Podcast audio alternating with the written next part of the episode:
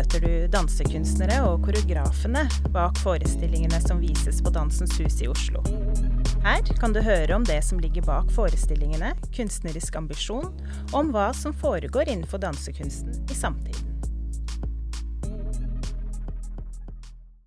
Maud Le Pladec er en fransk dansekunstner og koreograf.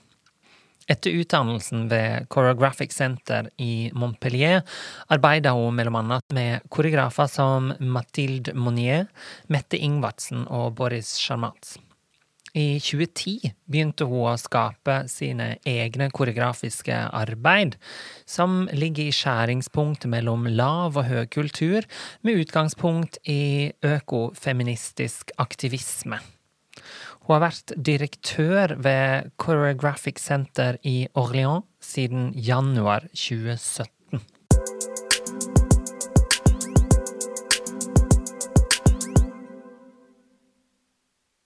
Thank you, Maud Le Pladec, for meeting me digitally for this interview. Hello. Hello. Hi, you are in Orléans at the moment working on a new piece. That's yes, exciting. That's it. Yes. This is a confidential project, big project that uh, I cannot really speak about. But we are preparing a really huge um, event in 2024 in Paris. Mm. Very exciting. However, we can talk about your production uh, Silent Legacy that is going to be shown here at Dansens Hus later in March. But before we go into Silent Legacy, let's talk a bit about you uh, as a dancer and choreographer. And um, so, what, uh, Maud, what ignited your interest in dance? This is a good question because it's been a long time that I dance now. I began when I was six, and I immediately um, knew in a way that I wanted to be a dancer. First, I wanted to be a teacher, a dance teacher. And through my scholarship, I discovered that I really wanted to perform on stage and be part of big project and also company. So I began with uh, dance, uh, jazz dance. I have also background of classical dance, and I discovered the contemporary dance when I was more something like 19 with Mathilde Monnier. She's a famous choreographer here in France. In between 19 and 20, I was a student in her choreographic center in Montpellier. And I discovered all the technique like Cunningham, Graham also, and also a lot of uh, repertory of different choreographer. I also discover improvisation. Uh, and I immediately knew that it's exactly what I wanted to do. And beyond that, I was uh, happy to discover the universe of different choreographer I was working w- with. And I did Dance Web in Vienna. I don't know if you know this huge Yes. uh, program. So uh, I was a dance webber, and there I met Japanese choreographers. So my first contract was actually in Tokyo and Kyoto, and I came back in France. And since then, I started to work with, um, let's say, national choreographer, but also international choreographer. And I did my first piece when I was 30. And since then, I'm still choreographing. And since now seven years, I, I I'm running the choreographic center, National Choreographic Center in Orléans. Mhm. So, what made you go into choreography? It was uh, it's it's the way we were working with all these choreographer actually make me think that it was interesting to dive into research, movement research. Also because the way we were working, and especially with, for example, Boris Charmatz, I, I work since uh, during 15 years, or even with Monnier, we were kind of the author of our own vocabulary, uh, and also we were completely uh, involved in the process of the creation. And um, I was in the same time a mover, but also a thinker, because uh, beside the the dance career that I had, I started to go in university I, uh, for movement research, and also I was uh, I, I belong to a collective with different uh, young dancer, and we start actually to produce some kind of forms. And um, yeah, I think that it's the connection or the alliage, the symbiosis in between, let's say, formalization as a dancer, but also how to think about the global, uh, let's score of forms of, of, a choreography for different type of group or different spaces, but also different audience. And I start actually really in the same time to continue my big career as a dancer, but also start to make some kind of research. Mm-hmm. So I did it in the frame of this group, the collective. And in one point, I was like, "Oh, okay, I will, I will begin a solo, let's say, a kind of uh, research as a young choreographer. And I did my first piece in 2019, 2019. So it was Professor. And the link with the music was immediately uh, something that I wanted to uh, work with. Mm.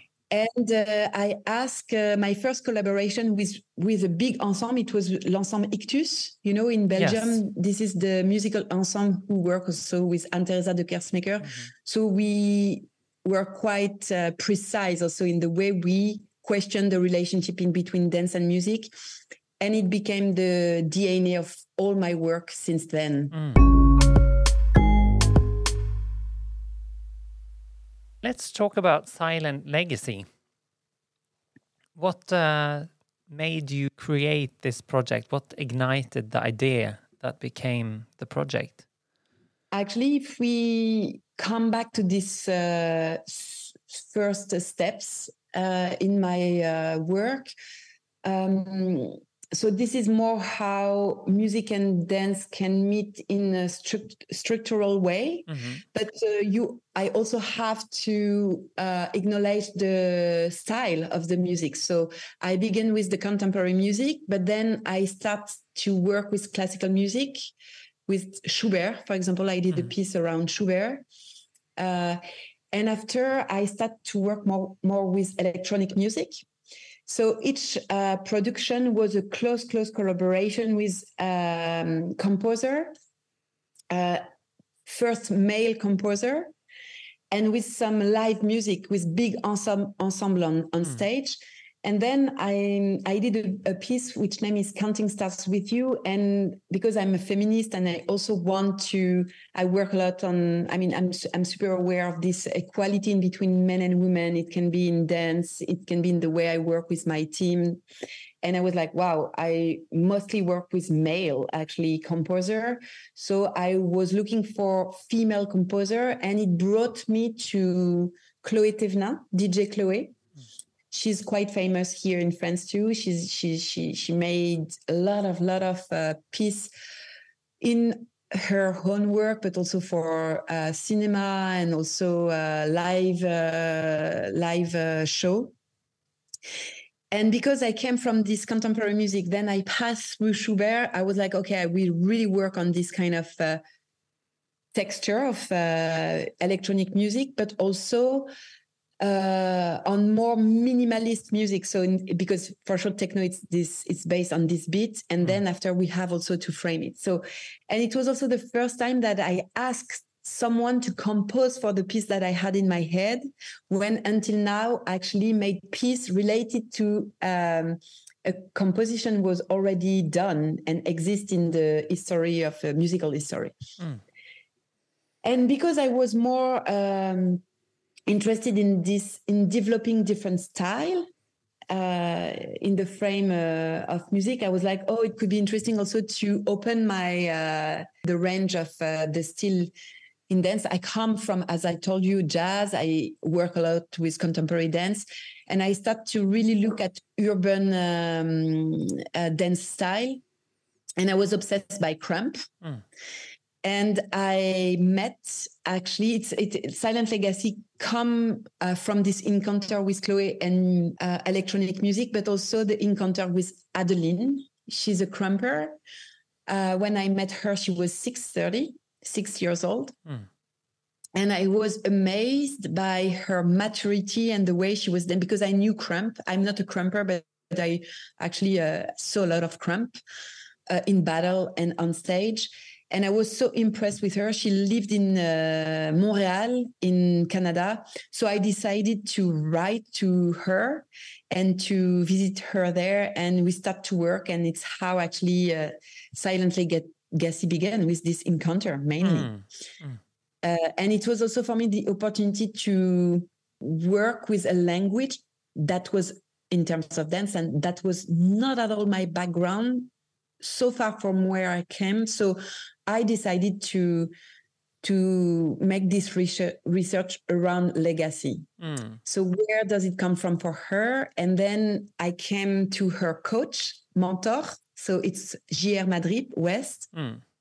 And I also consider that this solo uh, for Adeline would be actually the uh, even if she had uh, she a young age so I start to question this legacy. Where does it come from? Why she do? What? Why do she dance as if she was 30 and she has to pay some factor to you know to pay the rent? I mean, what? Where does it come from? I also went far into Tommy the Clown, the origin of Krump, and also the history of Krump, because it comes from the west coast of uh, United States, and uh, with the riot, and why this white little girl was so close to the fight, and also the reason why actually this dance exists when she's so far in terms of uh, uh, ethnic uh, origins, but also cultural origins. So I tried actually to make my own, let's say, movie in my head, even mm. if it was a kind of fiction, and how this fiction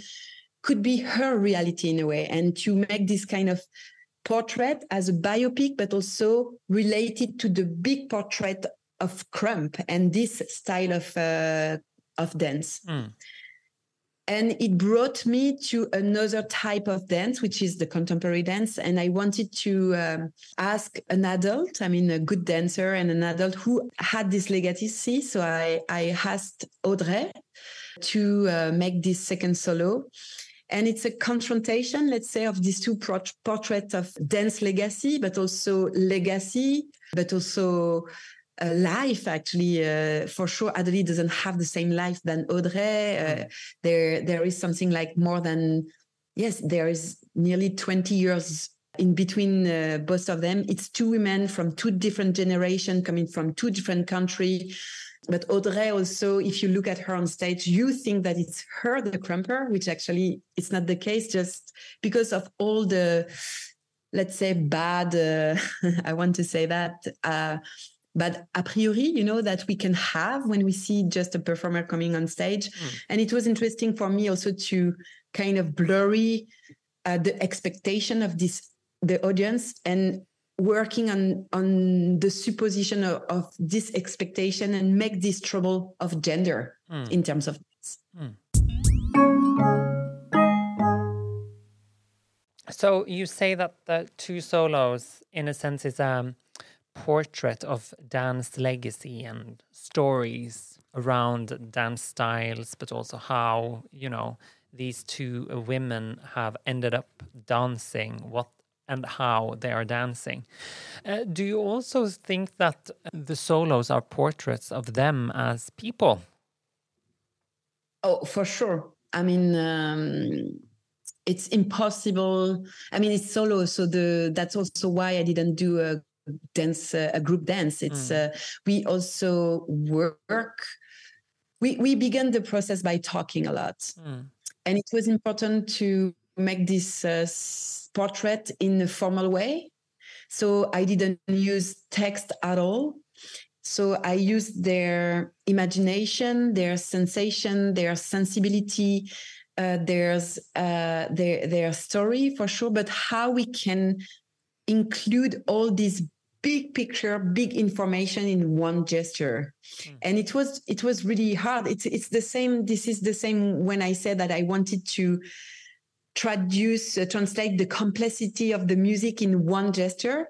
It's the same. How can you translate the comple- complexity of life and especially when you're 6 and when you're 30 in one movement? Hmm. so it's it's you can imagine that it's a reduction but for me it's it's actually uh, a way to open spaces mm. and how you can make a dialogue with the audience and they perceive this. Mm. Uh, there were another subject, and I think it's important for me, even if it's not really the answer of your question, that we talk a lot was also reappropriation because I was outside.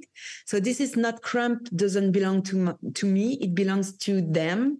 So it was also a way for me to really work in collaboration with this uh, interpret. So in terms of authorship, also it was for me super important that West, the mentor of Adeline, was next to me. So I decided to share this uh, piece with him. Mm. I also, after decided that he will, I mean, it's a surprise, but I'm telling it here that he was on stage with her. So, like that, we can see the relationship in between Adeline and his mentor. So, the legacy is uh, in live, let's say, uh, it's really uh, vivant on stage. So, and with Audrey, it's how it's the opposite. She's alone and how she can build an entire world alone through actually uh, the relationship that she has with the space and the music.